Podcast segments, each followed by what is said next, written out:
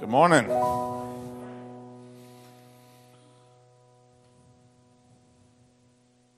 Isn't God good? We're going to look at a little bit of His goodness this morning.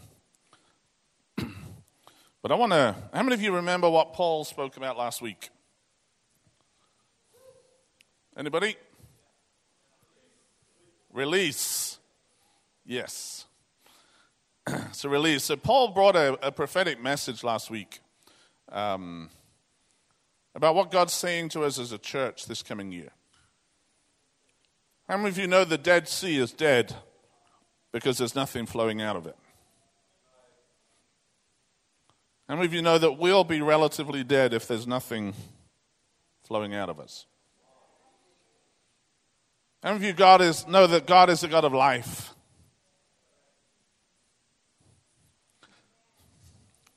How many of you know that God is a God of life? Life. Life. And in Him we live and move and have our being. And part of His life is His life flows. Right? He is the source of life. And as we encounter Him and as we connect with Him and as we abide in Him, so His life is designed to flow out of us. How many of you want to be a channel of His life? Amen. All right, so we're going to look this week at 2 Corinthians 5, which is one of the passages that Paul touched on last week. And he talked about us being ambassadors for Christ, that God has given us the ministry of reconciliation as we go out. I don't know about you, but there are kind of two responses we tend to have when we hear about, okay, God wants you to, has given to you the ministry of reconciliation. One of them is, all right, let's go. I know Chris has got that response.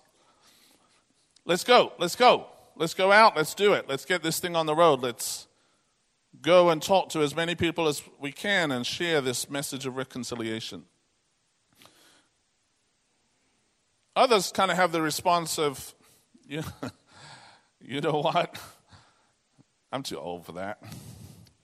I've been there, I've done it, I've tried it, I've given my everything. I used to be like Chris, young and energetic and I heard this before, to be honest. If I'm really honest with you, I've heard this before.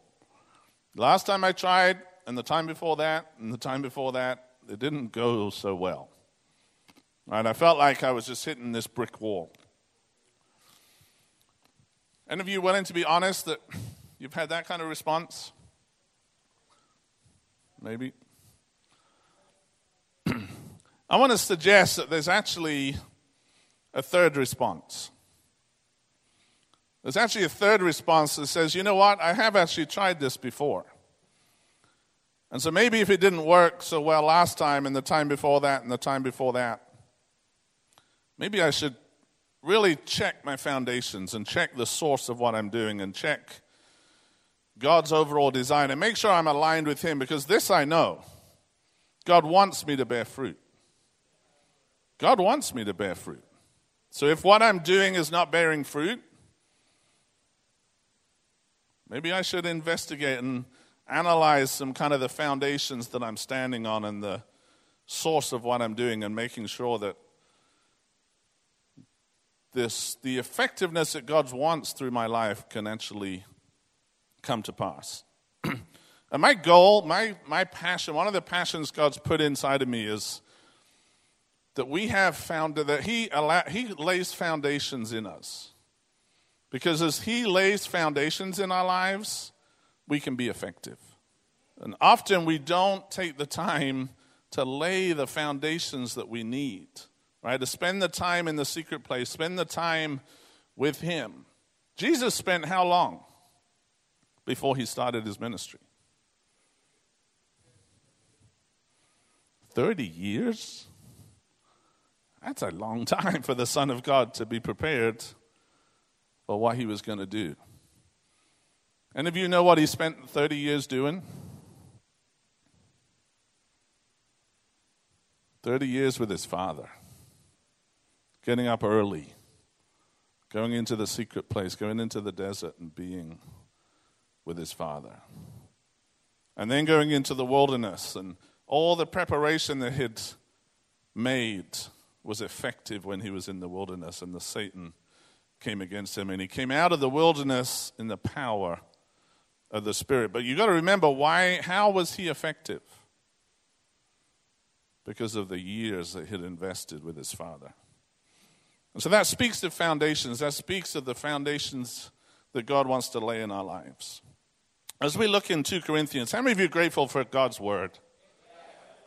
you know, I love the prophetic, but unless we have his word undergirding the prophetic, again, we have no foundation to actually live out those prophetic words and see them to come to pass.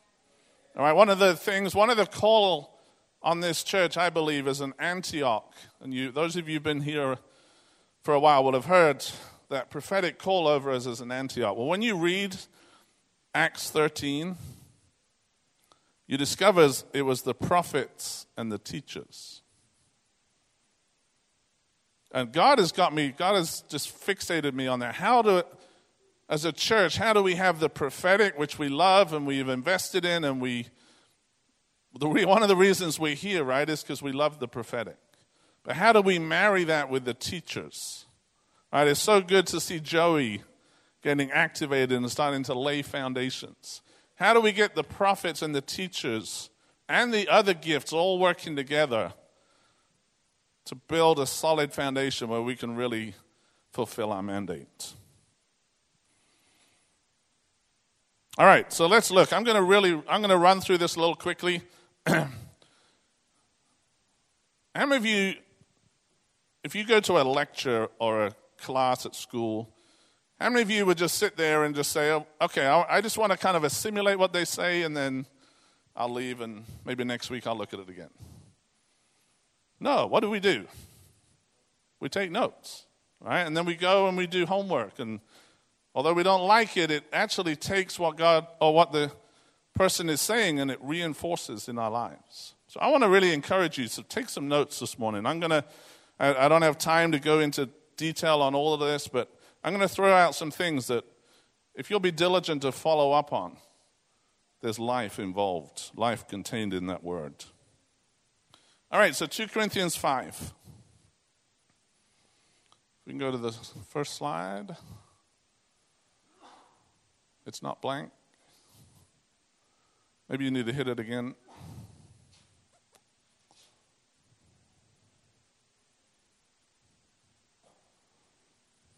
Maybe we'll actually need to use our Bibles today.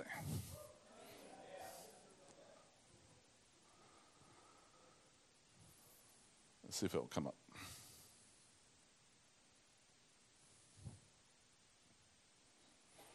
The other thing I want to encourage us is look for, ask God to really bring revelation to you this morning.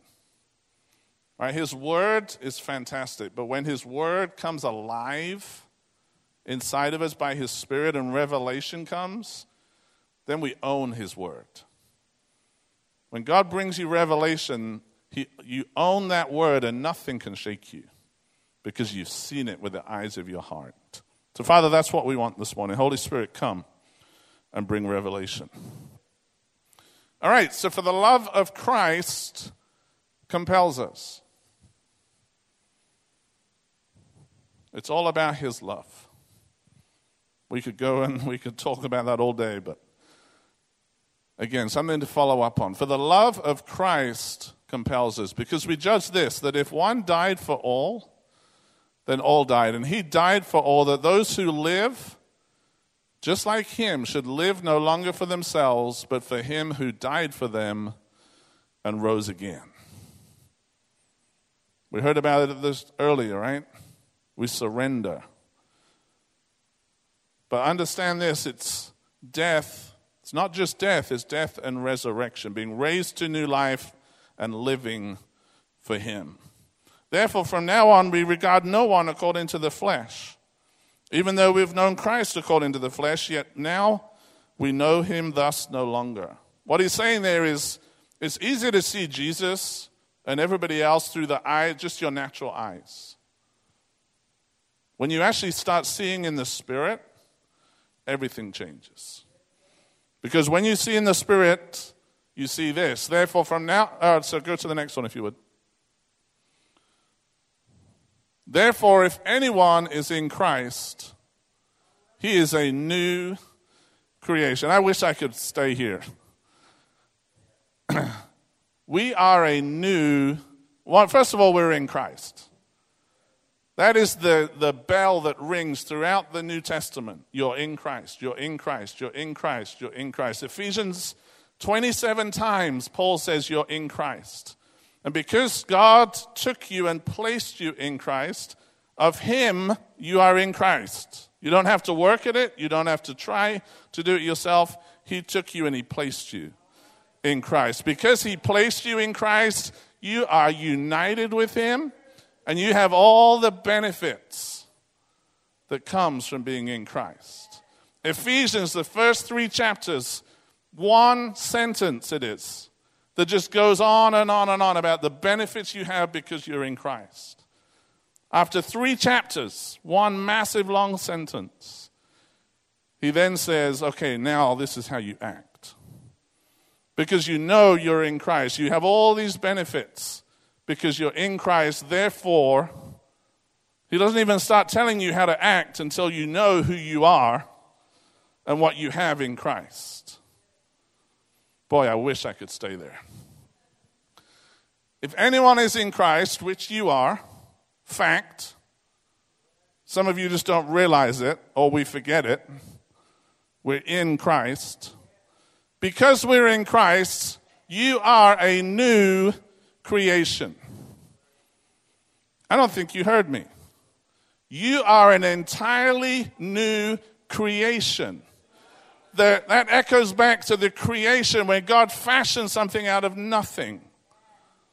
And when you got saved, when you were placed in Christ, God fashioned something completely new inside of you.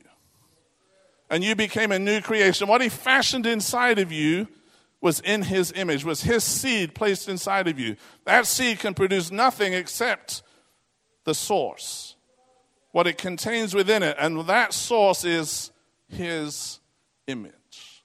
So you inside of you have a new, you are a new creation.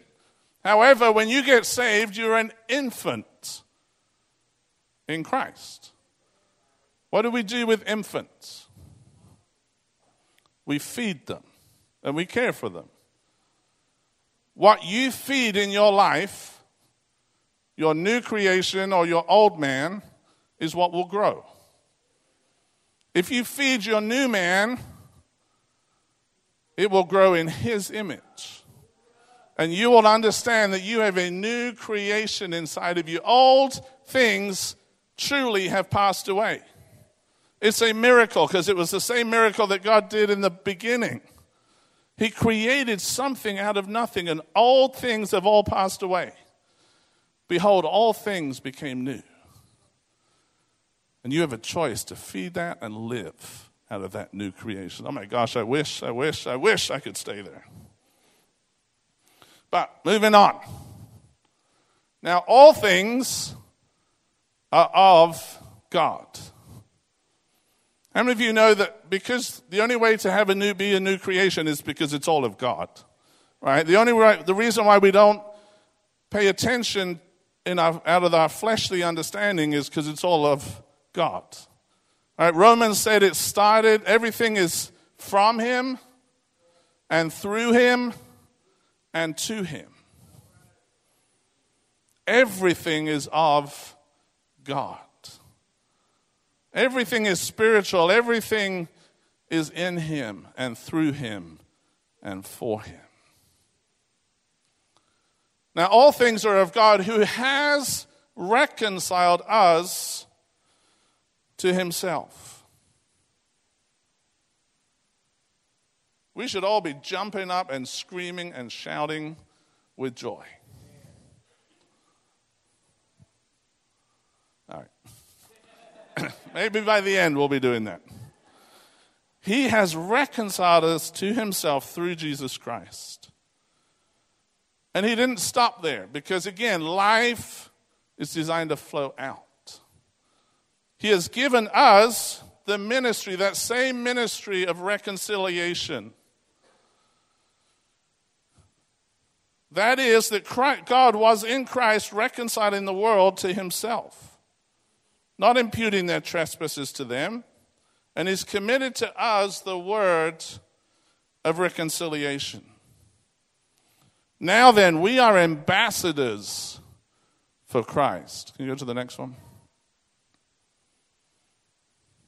As though God were pleading through us, we implore you on Christ's behalf, be reconciled to God. For he made him who knew no sin to be sin for us, that we might become the righteousness of God. Wow. Wow. Ambassadors are pretty interesting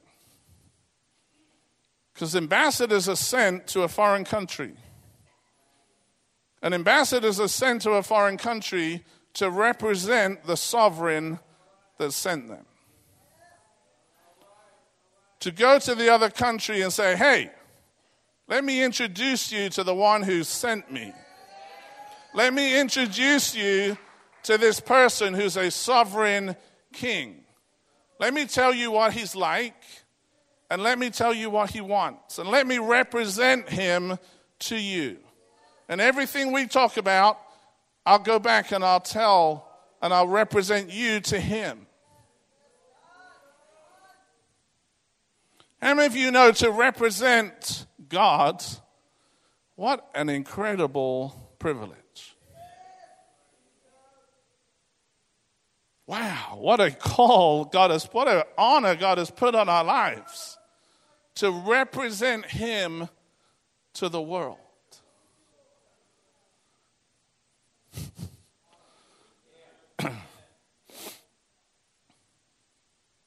We represent him because everything is of God. It all started with him, it's all about him. We're part of his story. It's not our story. It's not about me feeling good and me making it in life. It's about his story that started way before the beginning. And as an incredible sovereign, he reconciled me to himself. Even though I rebelled against him, even though I turned against him, even though I was his enemy, he reconciled me to himself by his son. Let's look at that just for a second. Uh, Colossians 1.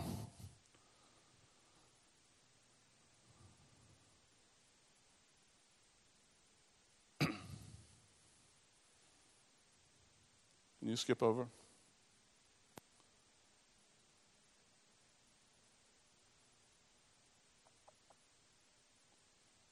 it may not be working very well. So let me read this Colossians 1, verse 15. You could even turn to it in your Bibles if you would like.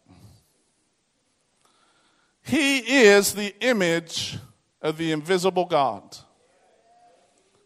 the firstborn over all creation. For by him all things were created that are in heaven, that are on earth, visible and invisible thrones or dominions or principalities or powers. All things were created through him and for him. And he is before all things, and in him all things consist. He is the head of the body, the church, who is the beginning, the firstborn from the dead, that in all things he may have the preeminence. How many of you know it's all of God? Can you read that and say, wow? Here's me down here. And there's a king, the firstborn from the dead, the image of the invisible God. All things in him consist. All things were created by him and for him. He is before all things, that in all things he may have the preeminence. As we look at this ministry of reconciliation, let's remember whose ambassador we are. That it's His story that we're a part of. But it didn't stop there. How many of you are glad it didn't stop there? Go to the next slide if you would. Because the one whose story it is has a heartbeat. The one whose story it is isn't just excluded and just kind of out there somewhere. That one whose story it is has a heartbeat and has a, things that cause him pleasure. For it pleased the Father that in Christ all the fullness should dwell. But it also pleased the Father as the, all the fullness would dwell in Christ, that by him the Father would reconcile all things to himself, whether on earth or things in heaven, having made peace through the blood of Christ. How many of you are glad that the Father has pleasure, has a heartbeat, has things he wants to do that cause him great joy? And how many of you are glad that you are his pleasure?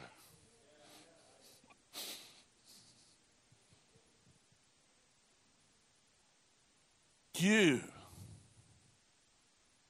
who once were alienated and enemies, think about that. We were enemies. Enemies in our mind by wicked works. Yet now, because of his good pleasure, he has reconciled in the body of his flesh through death to present you this is why he came. This was the pleasure of the Father to present you holy and blameless and above reproach in his sight. How many of us, how many, we get so bogged down in life, don't we? We get so bogged down in trying to obey and trying to have our quiet time and try and do and try and try and try. And sometimes we got to stay, take a step back and say, you know what? It's not about that. It's not about what I can do. It's not about my diligence, although diligence is good. It's about the Father's good pleasure. And as we look at this whole turn of our church outwards, and a church, as we, uh, uh, as we um, take responsibility and we say, God has given us this ministry of reconciliation. We have to make sure that we've experienced it fully ourselves. That we've experienced not just forgiveness. Hear me, hear me, hear me. He didn't come just to forgive us. That would have been enough, right? The prodigal son coming back to the father and saying, I blew it. I did the most despicable thing to you. And the father saying, That's okay, I forgive you. Come work in my house again. It wasn't enough for him to forgive us.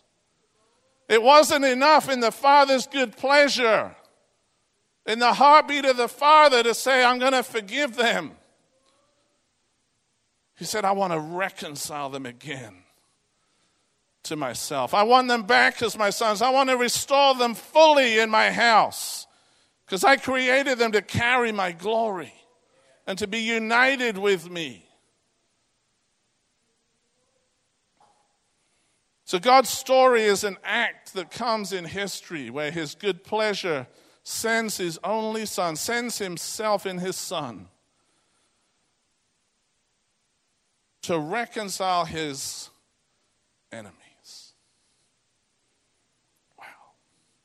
What on earth would make him do that?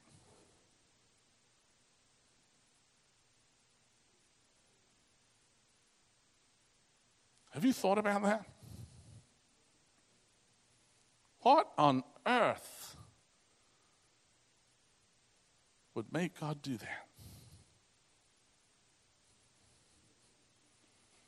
His good pleasure. Have you seen him? One of the favorite things I have is just to gaze on him. What kind of God is this? What kind of father is this? What kind of savior is this? What kind of lover is this? That even while I was an enemy, he would say to me, What kind of God is this whose heartbeat would be for me? In my frailty and in my sin and in my mistakes. What kind of God would be so relational in nature? You know that salvation is not legal. Salvation is not God sitting in a court case, courtroom and saying you're not guilty any longer. Salvation is reconciliation.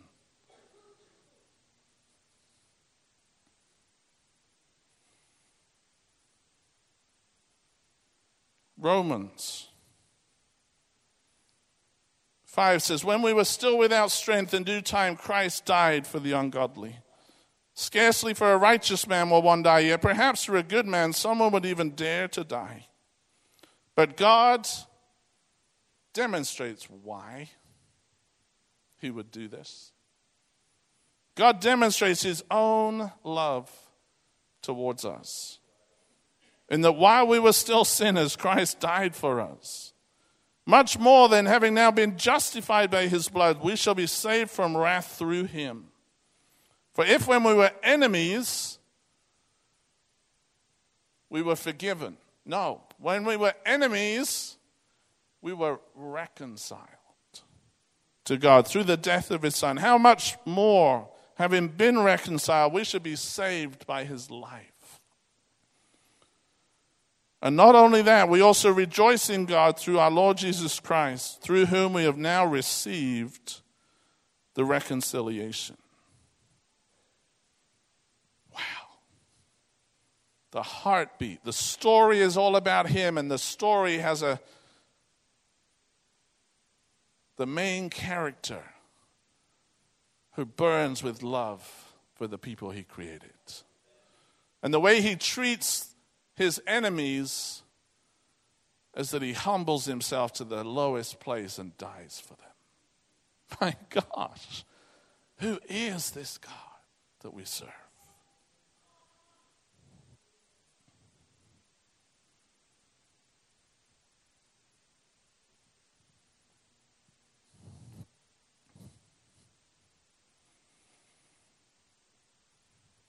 You know, the incredible message of the gospel is not just that we're forgiven. Is it not just that it was the Father's pleasure to make us, adopt us as sons again and restore us again? It's that because of this new nature which is inside of us, that we would be united with Him in union, oneness how many of you know that when you were just forgiven and your nature hadn't changed, you couldn't be united with Him? God could not be united with that old man. But now, but now you're a new creation. All things have become new through an act of creation that God Himself made. And now you can be united with him in oneness. You know what? If I dare to say it, God forbid that I had a bunch of struggle with my wife and we separated. She did all sorts of things. Maybe I did, probably I did all sorts of things. In fact, it would definitely be me doing all sorts of things. But there was tragedy, and we had all these thoughts. I did all these things to separate myself from my wife and sin against her. And we had a period of separation.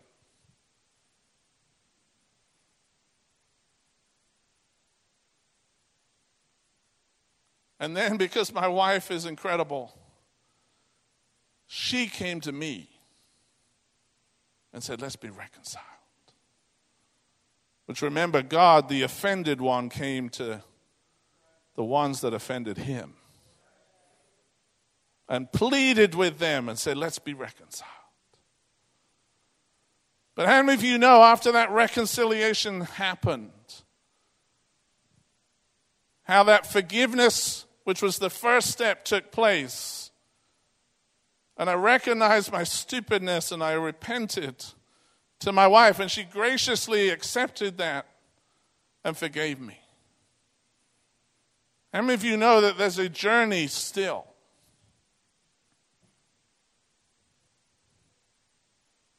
A profound journey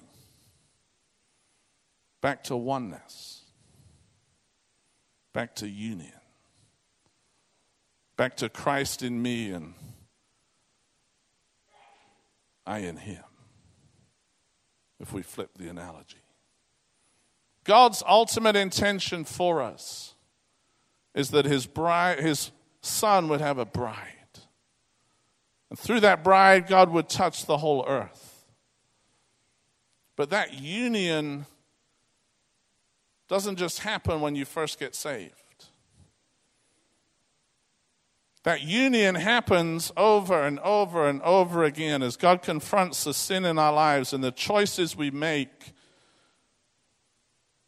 looking elsewhere instead of to Him. The goal of it all is not to make us live up to a standard. The goal of it all is not just to say, Here, here are my commandments, keep them, because I'm God. The goal of it all is union. We even have the possibility because we're new creation. But then it's a journey. Paul says in uh, 1, Corinthians, he says to the Corinthians who have, there's sin all over the church. And he says, guys, I wish I could talk to you as spiritual. But you're still living out of your old man and you're still just infants. Your new creation is just still as a baby, it's still just an infant in Christ. Forget about the old man, concentrate and feed on the new man, and you can become truly who you are. So, that journey is what we go through into union after we get saved. Why am I saying this? I thought, David, you were talking about being ambassadors. I'm saying this because this is the key that God that Paul gives us when to become ambassadors. Ambassadors in the natural ascent Ambassadors in the Spirit are united still with the sovereign and go together. Jesus was the great ambassador, right? God said, By through my son I was reconciling you. But Jesus' testimony was, My Father is working. Of myself I can do nothing. My Father and I are working. So the reason I'm trying to do trying to talk about this is because of the keys that Paul has given us here that we don't consider ourselves or anybody out of the flesh. It's all in the spirit. It all is from God. That God has actually recreated you. And if you could just understand that reality of being in Christ and Christ being in you then you would learn that union that then says, okay, now I can go be an ambassador. Does that make sense? Everything in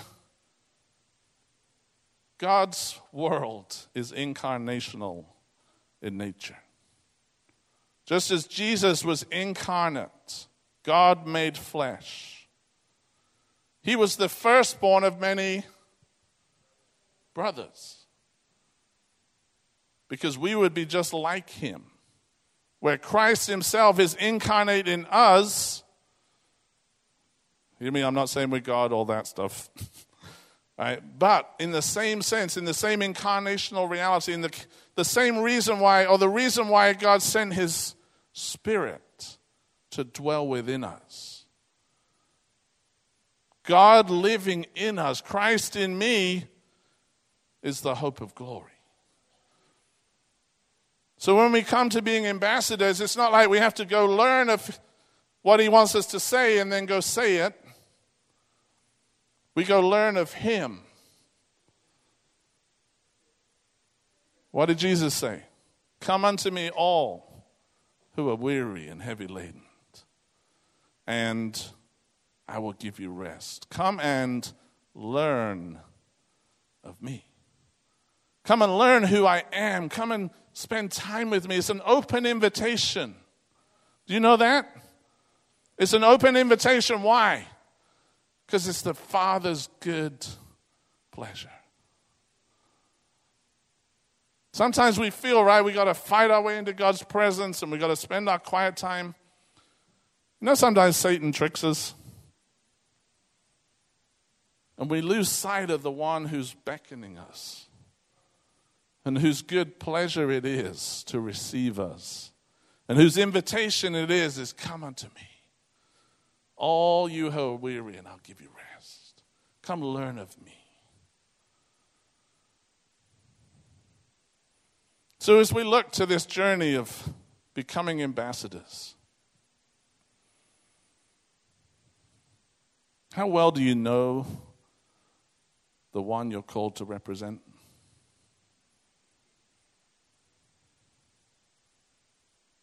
Have you glimpsed him? Have you gazed on him? Are you just absolutely stunned by his love? Are you absolutely stunned by his heartbeat? Are you absolutely stunned by his good pleasure, the things that bring him pleasure? Are you absolutely stunned by the fact that he's merciful and gracious, slow to anger? Abounding in goodness and truth. You know that that's how he revealed himself? He said, Hey, this is who I am. I'm gladly reveal myself to you. And what did he choose to reveal? His goodness, his heartbeat, his nature. To become ambassadors, we have to know the one we're called to represent. I don't know about you, but I still have areas where I don't see him right. Where the events of my life and the things I've walked through and the lies that Satan sowed through them create this distortion when I actually see him. So my heart sometimes doesn't see him right. Do you know the greatest need of those that God sends us to? The greatest need is to see him as he is. Imagine someone stuck in their sin and their condemnation and the mess of life. And you go to them and say, hey, let me introduce you to somebody. Let me introduce you to somebody who loves you so much that he left heaven and he came to earth not only that, he left heaven and came to earth and he humbled himself to the lowest place. To those, under those he created. All things were created through him, remember. And not only that, he humbled himself to this death on the cross. Not just so that you could be forgiven, though that's a phenomenal thing, but because his heart heartbeat, his good pleasure is you. The prodigal stuck in the pig pen, being told about the father that's begging him to come home, longing for him.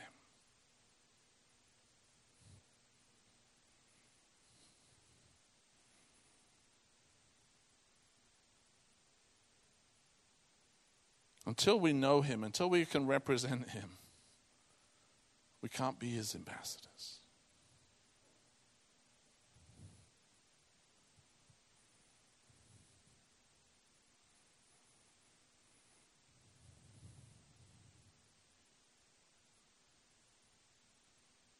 So we have an incredible invitation.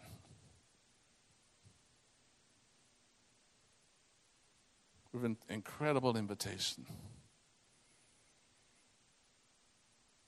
to kind of proceed in two prongs. On the one hand, pursuing this one and saying, God, I don't see you as you really are yet. Or if I see you as you, really, as you in many ways as you really are, I haven't been united with you yet in fullness.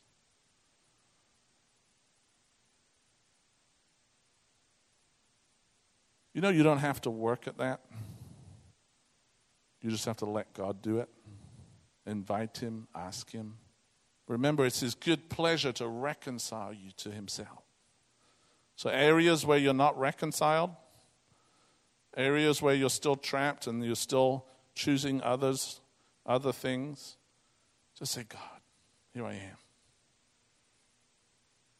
I've tried it all my life. I've tried to do it myself. I can't do it. But I'm asking you to reconcile me fully to you.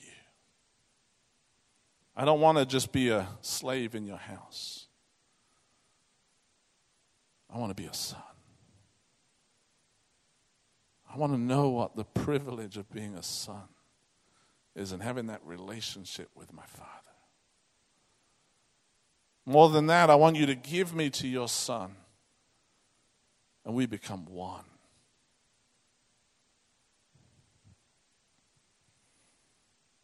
So that's one prong. That never stops. You know that? I'm still pursuing my wife because there are areas I want to become one with her. I want to deepen that union. So that union never stops, that journey never stops. Let me encourage you one of the keys God gives us and Paul gives us is don't let that stop. Don't feel like you've got to stop doing that and then go do what God wants you to do.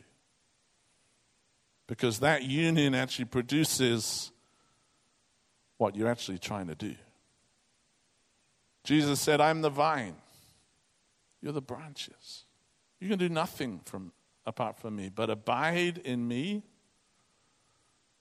I will abide in you, and then you'll bear much fruit. Much fruit.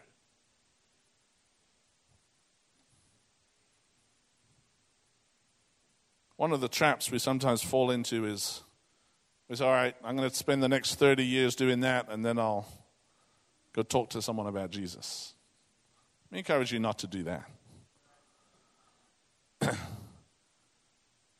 Almost everyone in this room has experienced him in some way. Now you're equipped to go share him in that same way.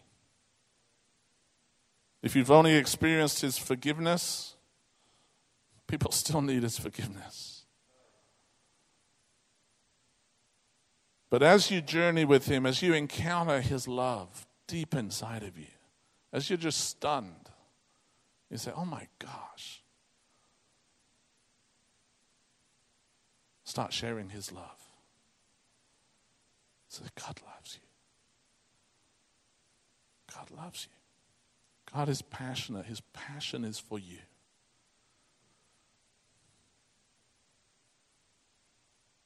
The reason why, why I said at the beginning we need revelation. You know what Paul prayed for his church, the church at Ephesians? Paul's apostolic prayer. This was the, the thing that he needed and wanted God to do. He said, I pray that your eyes of your heart would be enlightened. The eyes of your heart would be enlightened that Christ may dwell in your heart through faith. That you may know the width and the depth and the breadth and the height. To know this love of Christ which surpasses understanding.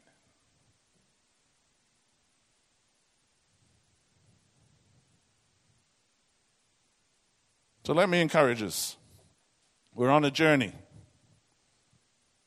This life we experience has got to flow out.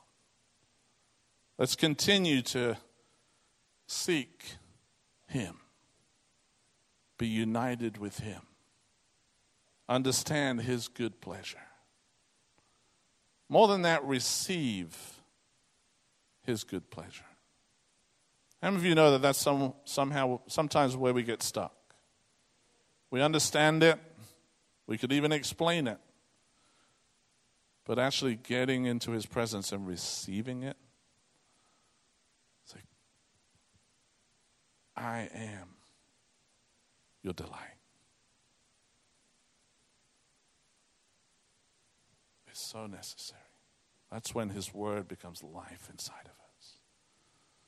As we pursue that, let's pursue those that don't know him. Let's be his ambassadors. Let's understand that my father is already working. Now, my wife Neka shared with me this insight she had that God is already working with those he wants to touch.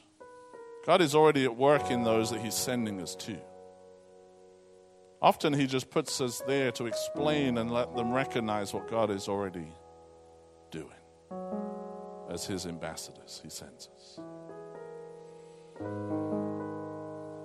We've got an exciting journey. What a privilege to become his beloved. And what a privilege to be his ambassadors in the world.